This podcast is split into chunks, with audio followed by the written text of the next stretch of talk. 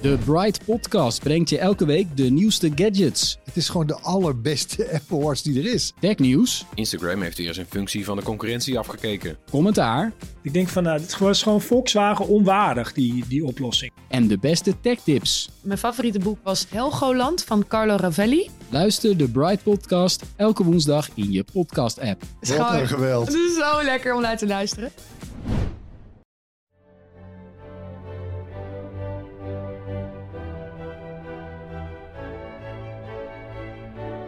Welkom. We gaan vandaag iets nieuws doen.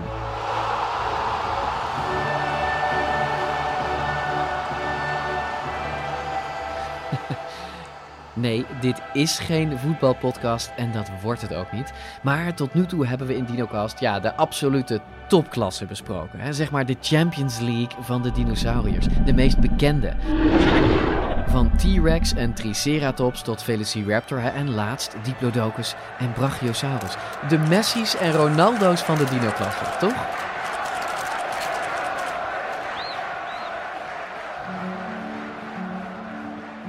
Maar vandaag doen we dat dus niet. Vandaag nemen we je mee verder terug in de tijd dan we ooit zijn gegaan. We gaan helemaal terug naar het Trias, een tijdperk waarin de dino's nog helemaal niet groot en dominant waren. Nee, waarin ze zelfs nog moesten vechten voor hun plek hier op aarde.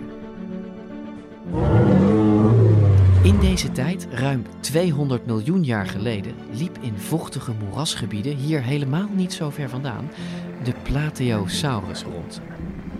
Stel je een dinosaurus voor die op twee krachtige achterpoten staat en zo'n 6 meter lang is. Een volwassen exemplaar kon makkelijk over ons heen kijken, want dat was zo'n 3 à 4 meter hoog. Nou, de Plateosaurus heeft grote voorpoten met flinke grijpklauwen eraan, een lange gespierde staart die voor evenwicht zorgt en ook een soort van verlengde nek. Anderhalve meter lang is die ongeveer. Ja, niet te vergelijken met een Diplodocus, maar het begin is er dus. En aan die nek zat een klein kopje met wakkere oogjes. En nee, er zitten dus geen grote hoorns of kammen op. Hij heeft geen scherpe tanden of enge klauwen. Hij kan niet super hard rennen en hij is niet reuze groot. Hij is dus niet zo cool. Sorry.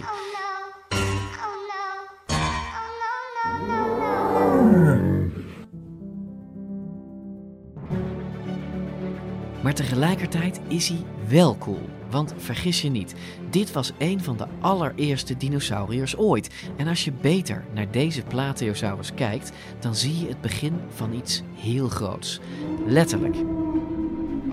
Want dit dier is het begin van de reusachtige langnekken die de rest van de dinotijd zouden rondlopen. Het begin, ja. En het is belangrijk om eens bij een begin stil te staan. Legt Maarten ook uit. Alle levende wezens op deze planeet, daar ligt een miljoen, nou deels een miljardjarige geschiedenis achter. Ja. Of voor. Ooit is ergens een eencellige begonnen met, met eh, het DNA-molecuul, of RNA, weet ik veel. Eh, anders waren we er allemaal niet geweest. In die zin hebben we allemaal een gemeenschappelijke voorouder. Maar het, maar het begin van een dier of een diersoort is ontzettend moeilijk te benoemen. Ja, dat is net als het begin van de Rijn. Ja. Je, kunt, je kunt geloof ik wel zes lullige eh, beekjes in, in de Alpen aanwijzen. Die kun je als, als begin zien. Ze zijn allemaal een begin. Ja. Eh, maar het is niet zo dat er bij, bij het begin ook door onze lieve heer een bord geplaatst is. Dit is het begin van de Rijn. Nee. Ja, het is ook. de- dat heb je, hetzelfde heb je natuurlijk met dino's. Want ehm, wij doen een beetje alsof eh, Triceratops er ineens was. Alsof, alsof T-Rex er ineens was. Of Stegosaurus er ineens was. Maar dat is natuurlijk niet zo. Want die dieren zijn ontstaan. Die, die, en, en, en, en, en We hebben het altijd over T-Rex of Triceratops of Triceratops, zoals ze hier graag horen. Maar we doen natuurlijk net alsof die dieren plotseling verschenen zoals ze waren, alsof ze uit de hemel neerdaalden. In de loop van miljoenen en miljoenen en miljoenen jaren veranderen de dieren, botje voor botje, tand voor tand. Ook samenhangend natuurlijk met de verandering van het biotoop. Eh, waar kwamen we met een andere voedsel aangeboden, klimatologische veranderingsprocessen. Ook de Plateosaurus had natuurlijk al een geschiedenis Zeker. van miljoenen jaren Ja. voordat hij een Plateosaurus was geworden.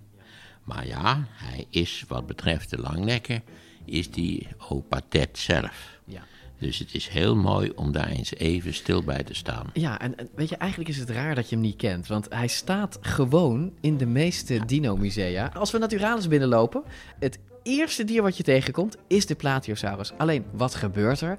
De meeste mensen die lopen daar gewoon voorbij. Maarten, ook wij zijn daar het vorige seizoen in Ja, Naturalis het is gewoon ook geen, voorbij. geen, geen opvallend dier. Nee, Ja, maar het is niet Het terecht. is geen blitzdier. Nee, het is niet blitz, maar het is wel belangrijk. We gaan daar... natuurlijk, de blitsheid is toch een belangrijk criterium bij de dino-belangstelling. Ja, maar ik vind het toch erg dat zelfs mensen met een brede dino-belangstelling zoals jij en ik... wij zijn gewoon voorbij Platyosaurus gelopen. Dat komt ook wel een beetje, je komt die zaal binnenlopen... en dan word je eigenlijk onmiddellijk geconfronteerd met, dat, met die enorme langnek die daar staat. Camarasaurus, ja.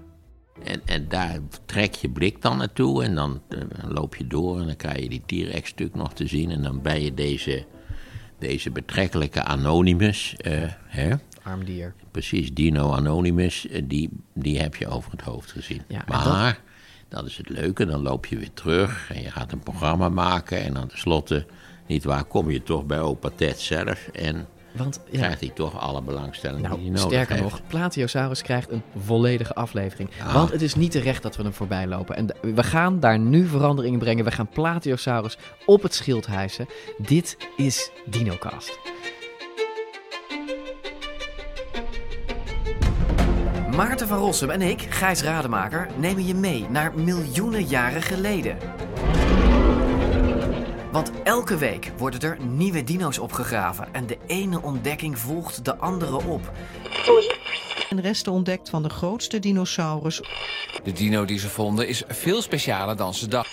More than 20 different dinosaur tracks. Vergeet alles wat je dacht te weten over dinosauriërs. Het is tijd voor een nieuwe kennismaking met onze oude vrienden. In de podcast voor iedereen die vroeger al van dino's hield en nu nog steeds een beetje. Welkom bij DinoCast. En om het verhaal te vertellen van Plateosaurus kunnen we natuurlijk het beste afreizen naar de plek waar deze dieren massaal zijn opgegraven en bestudeerd. Ja, en staan opgesteld. En dat heb ik dus al gedaan. Je hoort de vliegtuigmotor al loeien. Voor het tweede seizoen van DinoCast neem ik jullie mee naar het zuiden van Duitsland, waar ze de prachtigste fossielen hebben opgegraven van allerlei soorten dino's en andere dieren. Tussen de heuvels in het zuiden van Duitsland liggen de beroemde steengroeves van Trossingen en Tübingen. En daar worden al meer dan 100 jaar Plateosaurussen uit de rotsgrond gehakt. Nou, en die werden bijvoorbeeld vervoerd naar het naburige Stuttgart. Prachtig hè, dit is, dit is Stuttgart, een grote stad in, in Zuid-Duitsland. En nu is het natuurlijk een stad, maar in de vroege dino-tijd was dit het gebied waar de Plateosaurus rondliep. Je moet denken aan een, een open gebied met hier en daar wat, wat, wat varens en wat, wat, wat, wat bomen. Nou, hier in Stuttgart weten ze er van alles van, want daarachter ligt een museum. En daar spreek ik met twee paleontologen die hun complete professionele leven wijden aan dit dier. In het natuur... In het... Ik hoop dat ik het goed zeg. Natuurkunde... Nee. Shit. In het Natuurkundemuseum Stuttgart gaan we spreken met paleontoloog Heinrich Melissen. Right. Melissen is het toch, hè? Right? Melissen, nee. Het is Malissen. Hij is wereldwijd een van de grootste kenners van juist dit dier. En hij begon al vrij vroeg met zijn eerste fossielen. when little kids uh, stand up and start walking and they have their hands free for the first time, there's two types. One points up at the sky and says, airplane. Well, they want to become pilots. The other one bends down, picks up a funny pebble, and is interested in what this is.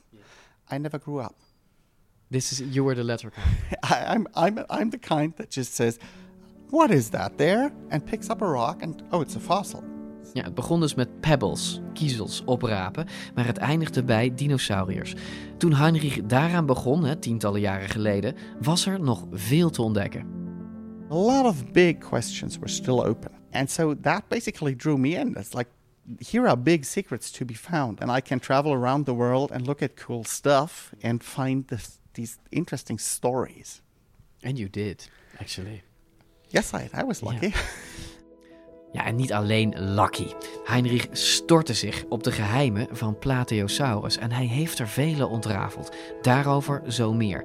Want wat me toch verbaast is dat hij al die tijd ja, in dit gebied is gebleven. De nieuwe dinosoorten die worden toch opgegraven in, in Afrika, in China, in Zuid-Amerika. Moest hij daar niet heen om, om coole dingen te ontdekken? Nee dus. I got stuck here. The thing is, southern Germany really offers a lot of material, a lot of finds. It's like a, a picture book, and you can just flip pages and go through time. And there's a long history of it being studied here. It's not like everything is new, so you can always put every find into the context of its time. If you go to other places like South America, quite often little has been done. You're the first there. That's cool, that's interesting. But if you look at big picture questions, at complex systems, and you know only one part of the system, it's not gonna be as satisfying as as this here to me personally. Other people who are more the explorer type say it's boring here, and I fully understand. But, but here you can uh, um, you can put an extra piece of the puzzle in an existing puzzle instead of beginning a new puzzle. That is that is a good simile. Het eerste puzzelstukje van Plateosaurus werd natuurlijk niet door Heinrich gelegd, maar veel eerder. Het was namelijk al in 1830. En dan lopen we weer tegen een al eerder gesignaleerd punt aan. Het is de 19e eeuw. Ja. En typisch de 19e eeuw met zijn, met zijn alzijdige wetenschappelijke belangstelling, die, die eigenlijk ook de dino's zoals wij ze kennen hebben gecreëerd. Want in feite waren er natuurlijk, iedereen weet dat als je, als je bij een rots gaat staan en je niest flink, dat, dat je onmiddellijk een hele... Fossielen uit kan rollen. Ja, bij wijze van spreken. Het, het zit er vol mee. Dat is niet zo dat het een zeldzame gebeurtenis is als je een fossiel vindt. Voor ook simpele fossielen, trilobieten, gaan ze maar door. overal, ja. ja.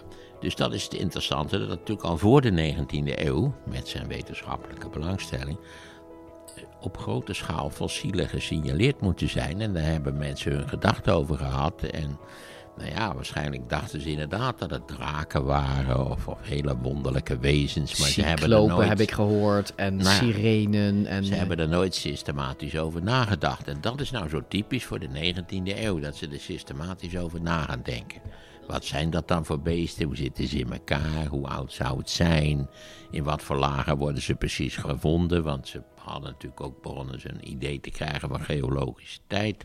En dat proces dat vond dus plaats ergens In ja, de 19e. midden 19e, eind 19e eeuw. 19e eeuw. Precies. Het was al in 1830, bijna 200 jaar geleden dus, dat de eerste botten werden ontdekt. Niet waar, van die Plateosaurus, van dat weinig tot de verbeelding sprekende diertje. Laten we het maar even zeggen. Zelfs het woord dinosaurus bestond op dat moment nog niet. Het beroemdste exemplaar van deze Plateosaurus werd bijna 100 jaar later ontdekt, namelijk in 1904 bij het plaatsje Trossingen. Ja. Door, hè, vertelt Heinrich, een stel schoolkinderen op een modderglijbaan. Precies, of ze zien de Heilige Maria, of ze ontdekken een Plateosaurus. Het is één van de twee. Site was found because kids were um, using a wooden board to slide down a hillside with these exposed mudstones, and you know, mudstone plus water, rain gives an identity crisis and goes back to mud, so it's quite slippery. Yeah, but it's a, it's a great playground for kids. Yes, indeed. Um, but the kids were just harmlessly playing there, sliding down that hill, and they found some bones and took them to their teacher. And the teacher said, Whoa, wait a minute. This is not an old dead cow or something. And basically just contacted scientists and said, Look what we found here. And that is something that used to be quite common. Remember when our par- parents and great parents were small kids, road cuts, they would just be open cuts and there would be sediment exposed. Yeah. Um, today we put concrete there and big rocks and we Cover cover, it up. all with soil and plant stuff. Um, back then it wasn't so rare. So when you look around the museum in Stuttgart, all the old first finds, you will quite often have finds where there is a note saying uh, some farmer brought this in or workers from this and that quarry brought it and wanted some money for it and said, well, maybe it's interesting. Well, in China, it's it's it's, it's a bit the, the same, same thing. now, right? It's the same Farmers thing bringing in the, the, the fossils, yeah. Al gauw werd duidelijk dat ze op een echte schat waren gestuurd. Maar hem uitgraven was nog niet zo simpel. Daar was in die tijd veel mankracht voor nodig en dus ook veel geld en dat was er niet. De Eerste Wereldoorlog liet Duitsland straatarm achter. Dan zijn we alweer tien jaar, ruim tien jaar verder na de ontdekking van Ja. de eerste restanten. En er was in het begin van de jaren twintig hyperinflatie en tekort aan alles. En het laatste waar mensen wel aan dachten was het opgraven van een dinosaurus. Ja, precies, precies. En, ja, Maar, maar er is altijd een wending in het verhaal. Ga door. dat ben jij. Oh, dat ben ik. Toch lukte het inderdaad de beroemde Duitse dino-kenner Friedrich von Huenen. Die lukte dat. En wat was nou zijn truc? Nou, hij vroeg het wel schatrijke museum eh, in Amerika, het Natural History Museum, vroeg hij om hulp. En hij bood aan de opbrengst met ze te delen. Nou, de opgraving begon dus, maar nog steeds was er heel erg weinig geld. Maar daar wist Von Hunen wel raad mee. Friedrich von Hühne ran those, and um, I think he was the only person able to do that because he was a miser, a total miser. Ja. He was a, a A a- cheapskate. a like ma- you ja, miser is, eh, is, een, is een gierigaard in Dutch. Ja. Um, he actually once collected a, a fossil block near Reutlingen and pushed it to Tübingen in a wheelbarrow to save on the train fare. Himself. Himself, the professor from Tübingen. Yeah, oké. Onderaan de heuvel waar die beesten ontdekt waren, werden grote tenten opgesteld. Waarin tientallen arbeiders en studenten konden slapen die de berg meter voor meter met de hand hebben afgegraven. Zo'n ploeg moest natuurlijk ook eten. En de superzuinige van Hunen wist voor een paar dollar een grote partij havermaalvlokken op de kop te tikken om zijn mensen te voeden. Kennelijk waren ze werkelijk met alles tevreden. Kinderhand is snel gevuld. Zeker. Want vanwege de havermout hebben ze de hele berg afgegraven. En soms zat er zelfs vlees bij. Maar niet het soort vlees wat je zou willen dat erbij zat. Precies. And there's a funny story how the, the students were fed on porridge only, and one day they were very glad to discover maggots. Maggots. Maggots, uh, because um, that would mean they would have to be fed something else, because you couldn't eat this. Or they would have been gone for beans or whatever, I think. And Hunes put two students aside and said, pick out the maggots. Oh god, really? But he ran this entire thing on a very small budget. Obviously. Ik moet zeggen, maden, dat klinkt natuurlijk vrij smerig, maar maden die zitten vol met eiwit, die bestaan volgens mij praktisch volledig uit eiwitten. Dus jij eet, als, als je wat maden vindt, dan eet je die gewoon op. Ja. tevreden. Ja? is dat waar? Een lekker knapper rupsje. Een rups is ook praktisch volledig eiwit.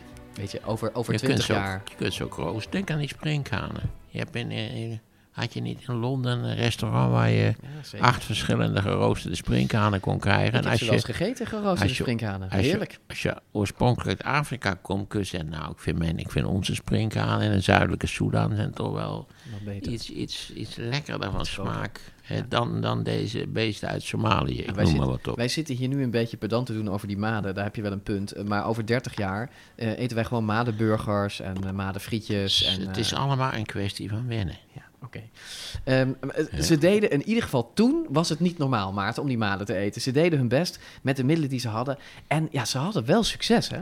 Dat hadden ze zeker. Von Hunen wist maar liefst 14 skeletten uit te graven. En vanaf dat moment probeerden experts zich een beeld te vormen van wat voor dinosaurus die Plateosaurus eigenlijk was. Het leek een voorouder te zijn van de grote langnekken die in die tijd ook al gevonden waren. Dus werd onze Plateosaurus ook zo in elkaar gezet, namelijk als lopend op vier poten. Ja. Aha. Wij voelen al aankomen, dat deed hij dus eigenlijk niet. Nee. Hij liep op zijn achterpoten. Precies. En dit was dus hoe Heinrich Mallison Plateosaurus aantrof toen hij begon. Hè, met de voorpoten stevig plat op de grond. Maar Mallison die bekeek die skeletten eens goed en die zag dat er iets helemaal mis was. Om te laten zien wat precies, ja, zetten we onze mondkapjes op, coronatijd, en neemt hij me mee het museum in. And we're standing here in front of an articulated skeleton of a Plateosaurus that looks like it's asleep. Yes. It's missing the tail and it's missing the skull, but the rest is there. Yeah.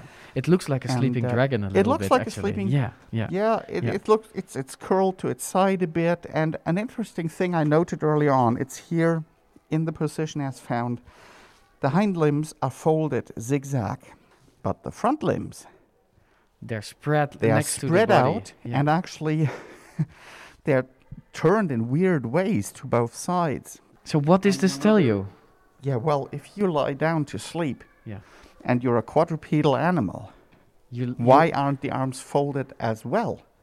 Look at lions, look at cattle. It doesn't matter. Quadrupeds lie down and the arms are not all a who. So I got suspicious. And I said, wait, wait, wait, wait a minute.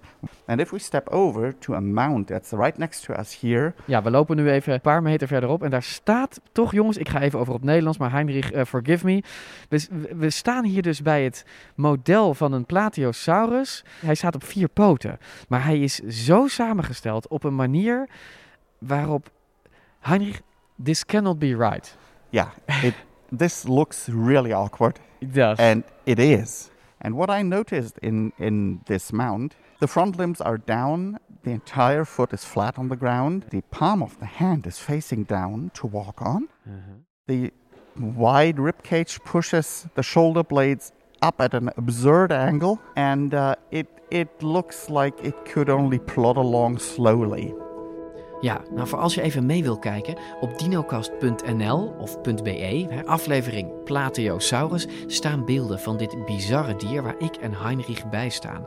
Ja, het ziet er nog het meest uit als een uitvergrote leguaan met een lange nek. Poten wijdbeens, hè, daar kon je niet snel mee vooruitkomen. Ja, en je hoorde net Heinrich al zeggen, die voorpoten plat op de grond. Ja, dat kon gewoon niet kloppen. En dat kun je zelf controleren, bij je eigen arm. Draai je pols maar eens heen en weer. Dan zul je merken dat de twee botten in je onderarm, dat die elkaar kruisen. Nou, wij kunnen dat, maar Plateosaurus niet. Ja, en dus... How does that work with Plateosaurus? Well, not. Not. Not. Have a look. In this mound that has the palm facing down, the two bones are not crossed, they're parallel. Oh, you're right. Yeah. That's a bit odd. Uh, You say you're quite polite, but Look at it, what they did. They broke the poor animal's elbow to make it quadrupedal. Ja, ze braken dus zijn elleboog om het dier op vier poten te kunnen laten lopen. Nou, dit is een prachtig voorbeeld van hoe wetenschappers een dinosaurus ja, ontwierpen en bouwden naar de ideeën van die tijd. Een, grote hagedis dus, de voorloper van sauropoden. Nou, dus moest hij wel op vier poten staan. Dat het niet helemaal klopte qua botten, daar werd dus niet goed genoeg op gelet. But they have also been joined by another type of dinosaur. Ja, en dit was geen klein foutje. Dit hebben we echt heel lang gedacht. Luister maar, dit is Walking with Dinosaurs van de BBC uit 2004. A huge herd of Plateosaurus has been drawn to the swollen river. These are plant eating dinosaurs.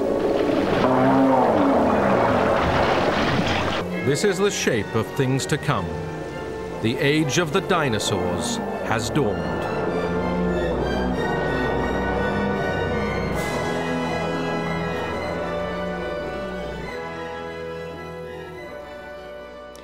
En ook toen Museum Naturalis in 2009 zijn Plateosaurus skelet onthulde, Ik ben Rembrandt en ik, heet, en ik, ik ben acht jaar. Deze jongens mogen vanmiddag helpen bij het in elkaar zetten van de Plateosaurus, omdat zij zelf een knutsel hebben gemaakt van hoe heeft dat beest er nou uitgezien met vlees en vel. Kunnen we even een applaus geven voor deze winnaars?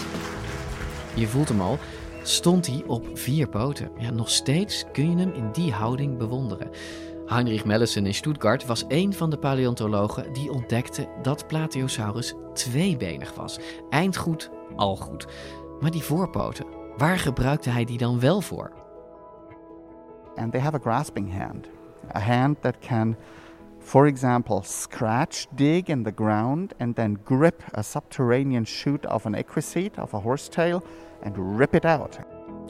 Ja, niet lopen dus, maar graven en grijpen. Nou, in de laatste jaren ontdekken we razendsnel meer over dit mooie dier. Bijvoorbeeld dat dit de eerste super succesvolle dino was. Hij kwam niet alleen in heel Europa voor, maar ook veel verder weg. Um, they've been found under the North Sea in a in a drill core. They just were drilling for oil and they happened Really? to hit the bone. they've been found in Greenland. Um, so they were all over this part of the continent, and then you get those closely related finds um, in China that are a bit younger. So they were all over. So is, this was a very successful model. Yes, it was enormously. They, this basically this model of being a big biped that can eat plants well and can digest them well. That was enormously successful. Oké, een, een biped, een tweebenige planteneter, denk je dan. Nou, hoe bijzonder is dat?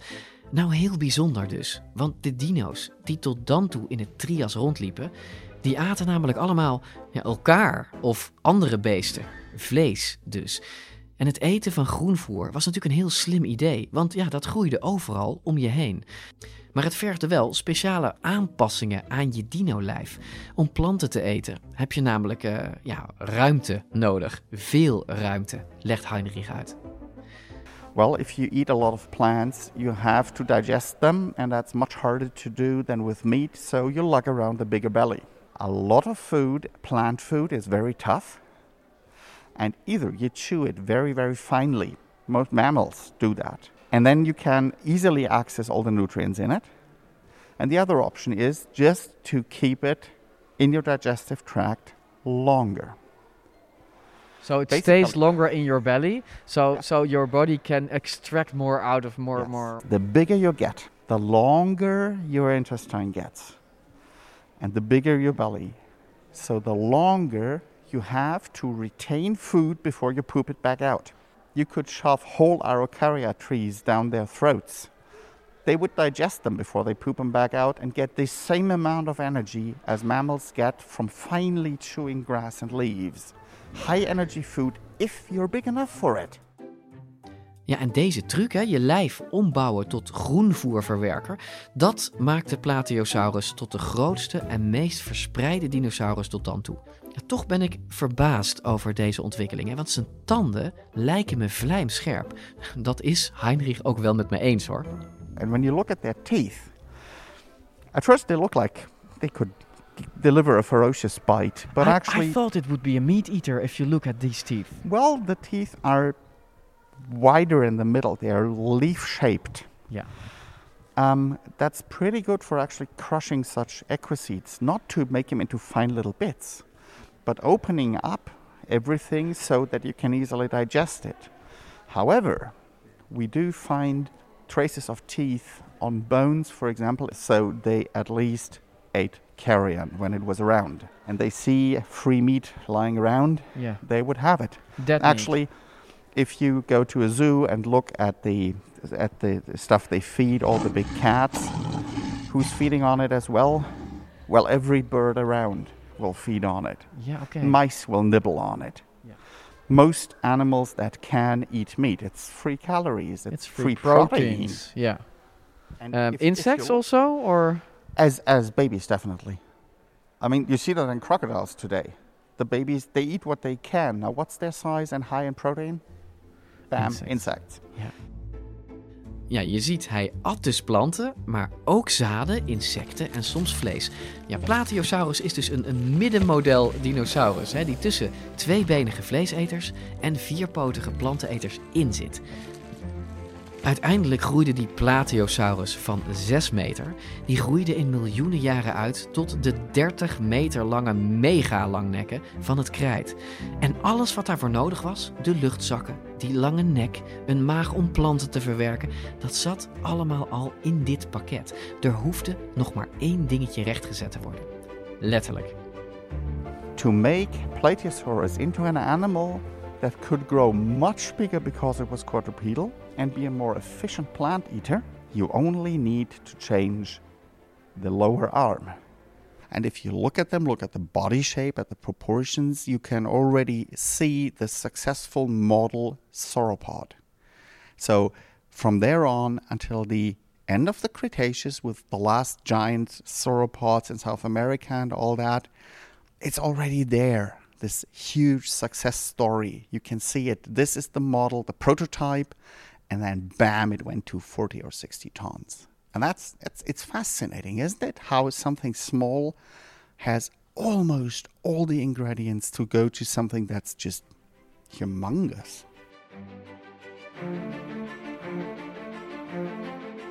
Mooi toch? Nu weet je dus ook alles van het begin van de sauropoden, want dat is wat Plateosaurus is.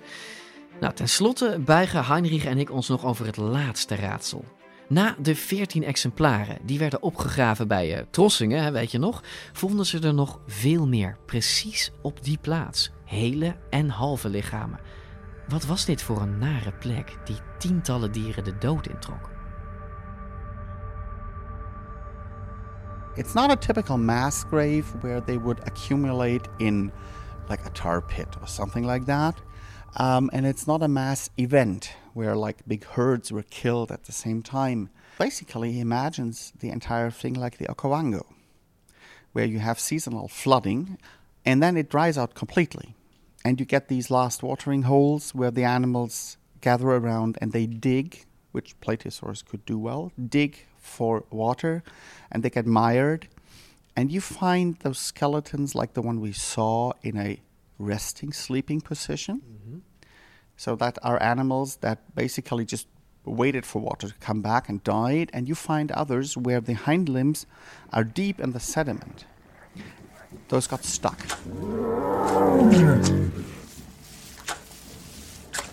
Yeah, they, and they, they tried to dig their way out and didn't make it. And you find a lot of skeletons where obviously the tail base and the hind limbs and hip were in the sediment and protected, and the rest got chewed off. So, so that um, must have been a horrible death. Let's hope it was after death. uh, well, we know examples from places in Africa, for example, where animals get stuck and get eaten while they're not dead. Great. So that probably also happened. Dus, als lichtgebouwde vleeseter hoefde je alleen maar te gaan zitten wachten totdat een van die logge plateo's weer eens vast kwam te zitten in de modder. Lekker leventje. Maar nog één ding valt op aan, waarschijnlijk, dit uh, moeras. We vinden alleen grote dino's, geen jonkies of baby's. Waarom? And the explanation why there are no juveniles is because it's probably a migration thing that they lived in the uplands and then the adults would move down into the swamp where they were fairly safe from predators, had lots to eat, and the juveniles normally didn't. So they, they, they left their juveniles? Well, imagine you are an 800 kilogram animal and your baby is maybe 800 grams. How well can you look after it without trampling it? Okay. The Not- not so assumption, well. the assumption that babies, hatchlings, would herd with adults doesn't work. What does work is that they live separate in the area and that adults in the area would protect basically the area. That's what we see in crocodiles. If you pick up a baby crocodile or alligator by its tail, it will feep.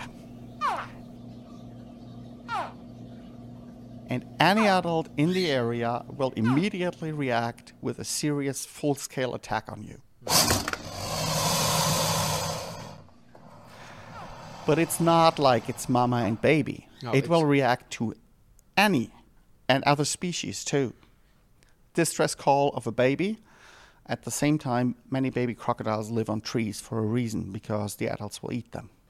Right. okay. So it's Yeah. not easy to take a mammalian system and transpose it onto a reptile or a dinosaur. It doesn't work. we always think of large dinosaurs, plant-eating dinosaurs, with the small ones just just crossing between their legs and in and out, and that's what you think Yeah, of. mush. Yeah. Okay. Mush. They okay. would get kicked, they would get stamped on, they might even get eaten. Very There clear. is a cow in an Indian temple that got famous because it actively hunted mice and rats. Really? Yes. Free protein. Grab, bash, get it. Okay. Ja, overigens even geheel off-topic, maar moet je horen. Als je een hele badkuip vol babykrokodilletjes zet, ja, dan klinkt die dus als een soort van lasershow. Kijk maar. What? Hi.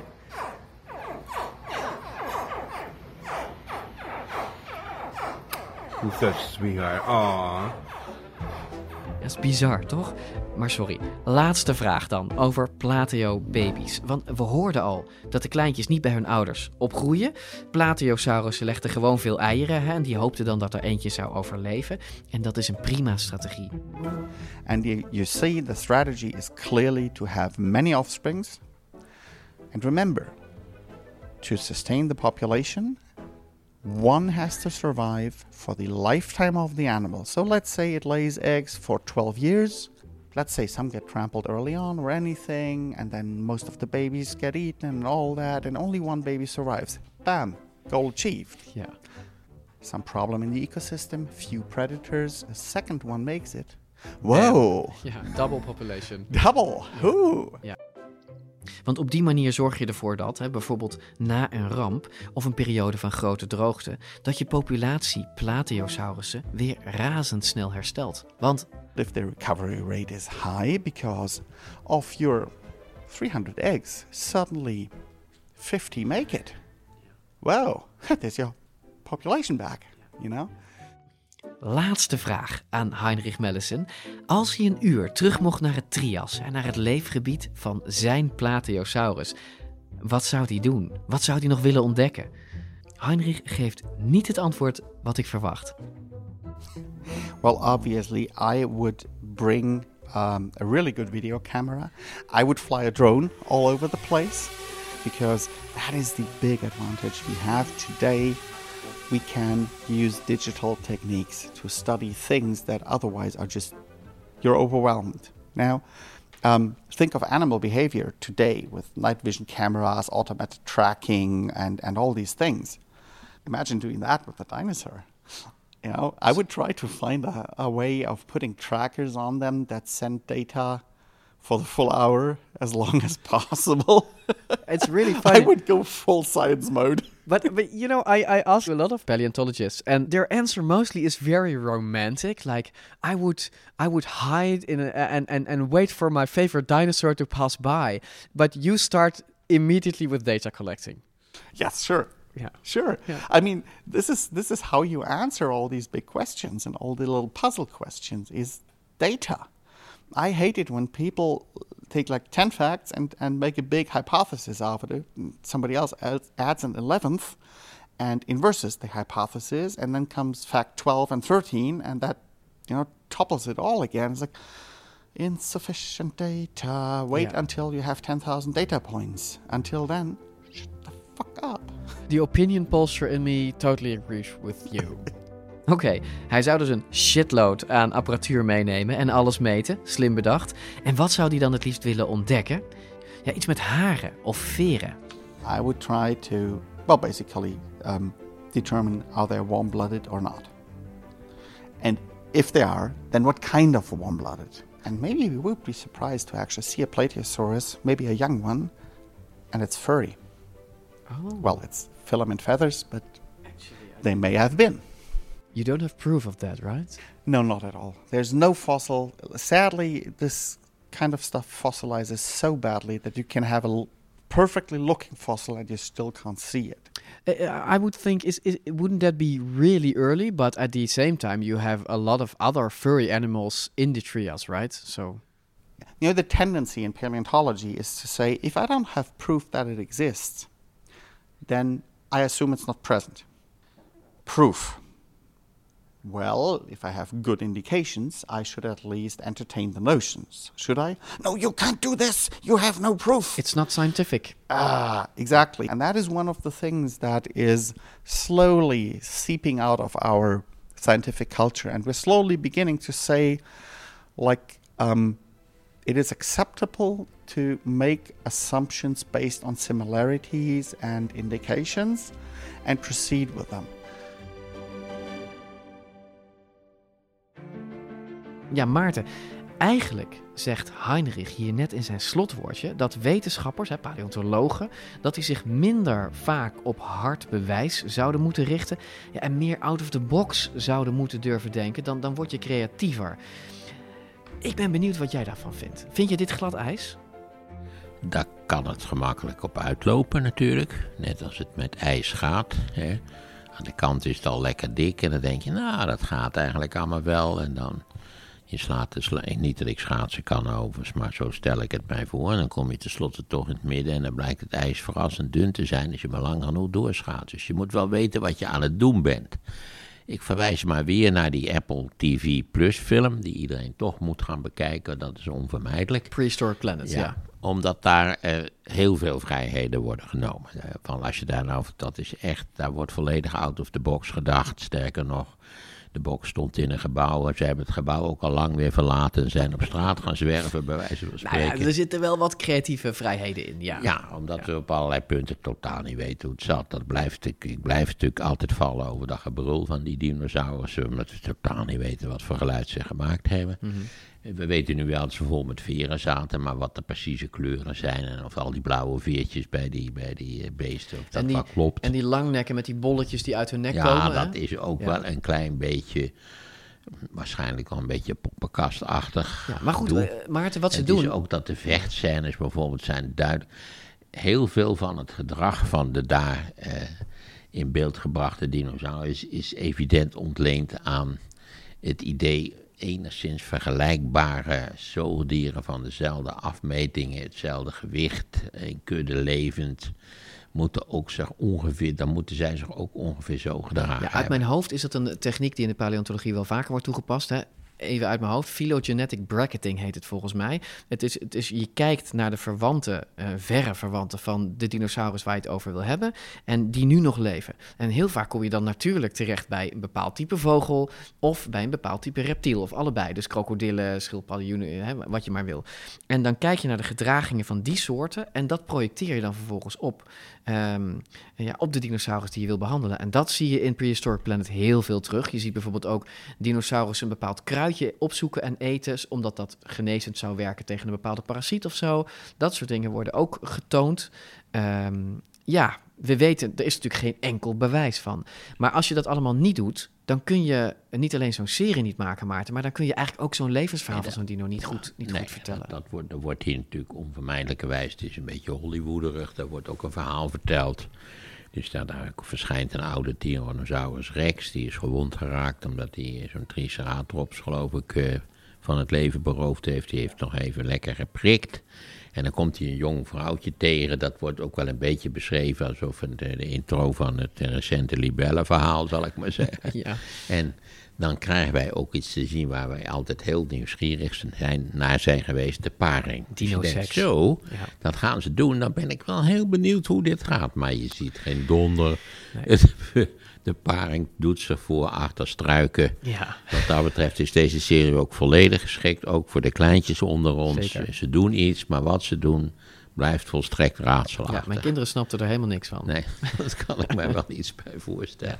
Maar het is zo geweldig geanimeerd dat je er toch wel gelukkig van wordt. Ja, je vergeeft het ze. Maar je hebt, je hebt er, ik heb er toch ook nog behoorlijk wat vragen bij. En, Ja, eh, zeker. ehm, dus, Die dus mogen wij ook best stellen. En ik denk ook dat zij dat ook niet erg vinden. Nee, dit, het, het- net zoals Jurassic Park zorgt dit weer voor nieuwe discussies en nieuwe. Dus uiteindelijk, weet je, natuurlijk moet je als paleontoloog, als wetenschapper, als je die dino een beetje wil interpreteren, dan moet je wat meer out of the box denken. En dat is denk ik ook wat Heinrich eh, Mellinger bedoelt.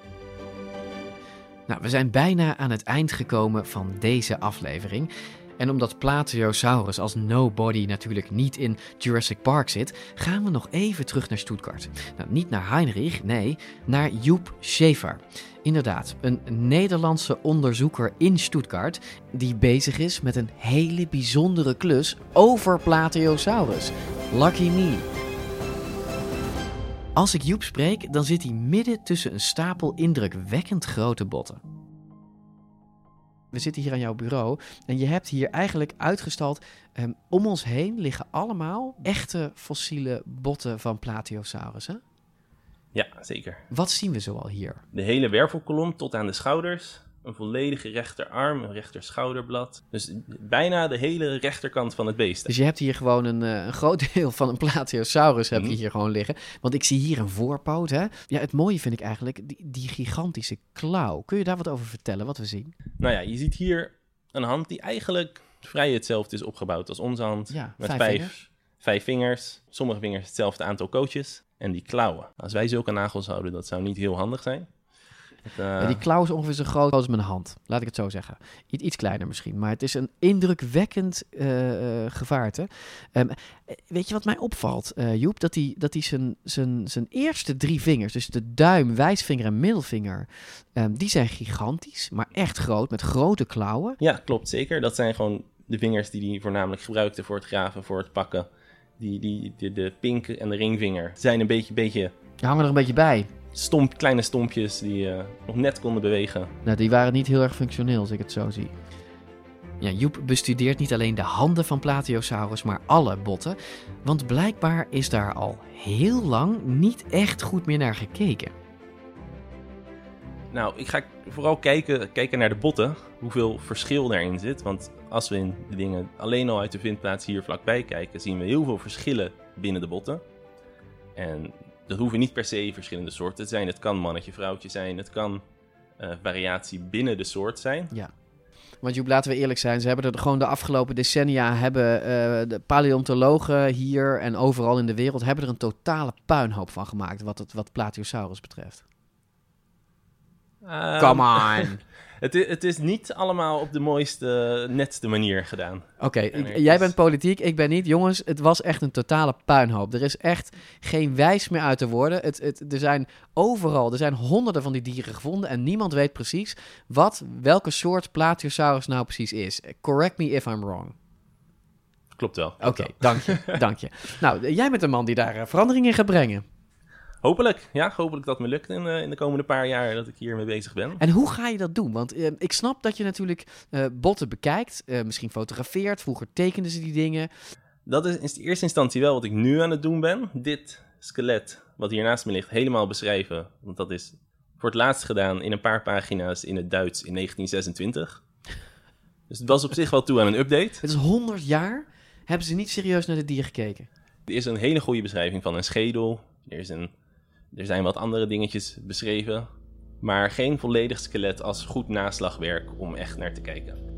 En die puinhoop gaat nog verder. Want zo'n 100 jaar lang hebben allerlei wetenschappers enthousiast de ene Plateosaurus naar de andere naar boven gehaald. Nou, prachtig natuurlijk, maar het zorgde ook voor chaos en egotripperij. Want ja, iedereen wilde natuurlijk zijn eigen soort benoemen.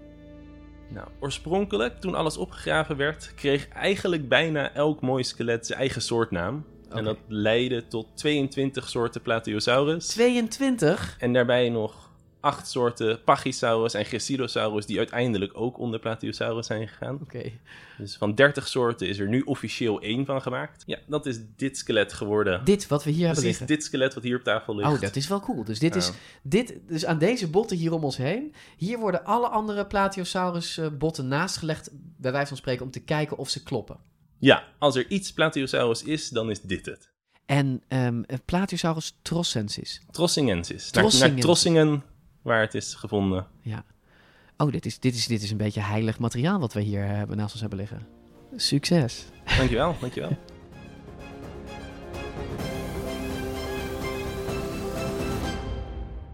Eh, Maarten, ook wetenschappers, ja, die kunnen er dus een puinhoop van maken. En dat zien we in deze aflevering eigenlijk op twee manieren. Allereerst hebben we dus decennia lang, tot 2009, hebben we gedacht dat dit dier op vier poten liep. Omdat ze dat gewoon, ja, zo gemaakt hebben destijds. Dat is toch bizar eigenlijk? Nou, dat is minder bizar waarschijnlijk dan het lijkt. Want daar, daar kan op een goed moment een soort van wetenschappelijk beeld zijn ontstaan van dit dier. Waarbij kennelijk het zo was dat hij eh, op vier poten moest lopen. Nou, zij dachten dit is een En grote hagedis. En, wil- die lopen op ja, vier poten. En wil je, wil je zo'n beeld doorbreken, daar is een hoop voor nodig. Je- er wordt al heel lang bewijsmateriaal dan aangedragen dat het eigenlijk niet zo is. Maar dan duurt het nog een hele tijd voordat je de hele wetenschappelijke wereld om hebt. En dan op een goed moment is er een soort switch. Dan, dan, hè, dan, dan ineens dan is er iets wat zo overtuigend is en dan gaat zo'n heel oud wereldbeeld gaat tegen de vlakte en er ontstaat een nieuw wereldbeeld. En dan vervolgens maken die wetenschappers, uh, die Plateosaurus-onderzoekers van, uh, van de afgelopen eeuw, eeuwen, die maken een puinhoop van de administratie. En dan Ja, moet die arme Joep, die moet dat dan, eh, die is jaren van zijn leven bezig dat helemaal te ordenen. Verbaast me ook helemaal niks. Nou, je weet dat Linnaeus heeft natuurlijk een indeling gemaakt van, eh, van, van de plantenwereld, zal ik maar zeggen. Eh, Die is helemaal niet zo gek. Maar er wordt nog steeds geruzied of sommige planten wel tot de ene familie horen of eigenlijk niet tot een andere familie En er zit ook natuurlijk heel veel ego in, hè? Want, want die wetenschappers willen allemaal een nieuwe dinosoort ontdekken. Ja. Dus dan is het een Plateosaurus eh, van Rossumi, zeg maar. Of een Ja. Plateosaurus rademaker. Of Ja, gelukkig is er al een ontzettend leuk vlindertje naar mij vernoemd. Nou, Dus het is een mot, hè? Is een mot, maar dat zijn ook vlinders, Zeker, laten we wel zeker, wezen. Nee, ik- Dus ik heb die ambitie totaal niet Nou, dat meer. staat genoteerd. Ehm, wat vind jij ehm, uiteindelijk van die Plateosaurus? Ik, jij hebt natuurlijk altijd een voorliefde voor dieren ehm, die buiten de schijnwerpers van Hollywood zijn. En die geen grote tanden hebben. Dus dit moet een dier naar jouw hand zijn, toch? Ja, ik vind het wel een sympathiek dier. Vooral omdat het de voorouder blijkt te zijn van een enorme genus aan... aan, aan Sauropoden. Ja. Ja. Ja. Wat is er nou leuker om een voorvader te zijn van? Ja, dat, als hij dat had geweten, dat zou toch mooi zijn? Nou ja, denk aan, aan, je denkt natuurlijk vaak, ach, dit zijn betekenisloze mensen geweest die geruisloos gepasseerd zijn in de geschiedenis. Maar ergens, acht generaties geleden, moet zo iemand die geen enkele aanzien genoot, die is de voorvader van Albert Einstein. ik, is noem waar. Maar, ik noem maar wat op. Ja. Hè. Als hij niet geleefd had, of hij was weer in de wiegendood gestorven, of onder een kruiwagen gekomen, Hadden wij... wie weet hoe het dan gelopen zou zijn. Ja. Of iemand anders dan een relativiteitstheorie bedacht zou hebben Ja. op dat moment. Hoe als Plateosaurus er niet geweest zou zijn, hadden we dan wel sauropoden gehad. Natuurlijk kun je dat niet zo zeggen. maar Nee, het is wel dat kan ik een leuk, zeggen, maar- romantisch idee. Maar we weten allebei. Precies, Je moet wel... Je weet het niet. Nee, je weet het niet. En dat is het mooie er ook van. Volgende week, Maarten, gaan we weer naar België. En we gaan naar België voor een van de oudste en belangrijkste dinovondsten ter wereld. Dat is echt een sensationele Nou, die aflevering. hele club die daar staat. Ja, want ze hebben daar een hele kudde iguanodons staan. Ja, prachtzaal.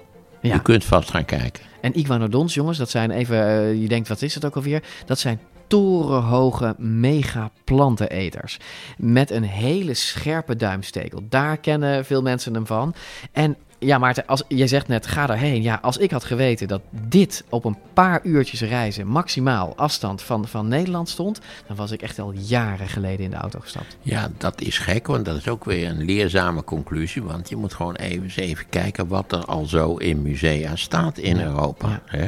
Als Ja. je kijkt naar wat er in, in, sowieso in Nederland staat, maar dus ook in Brussel en in Parijs en in Berlijn. Ongelooflijke mooi. En in Londen. En in Londen, precies, die vergat ik nog. Dus ja, ehm, ehm, wij gaan dus volgende week naar Brussel. En dat, de, ja, de, Iguanodons, het is een prachtig verhaal. De ontdekking, de dino zelf. eh, je gaat er ontzettend van genieten. Tot volgende week in de.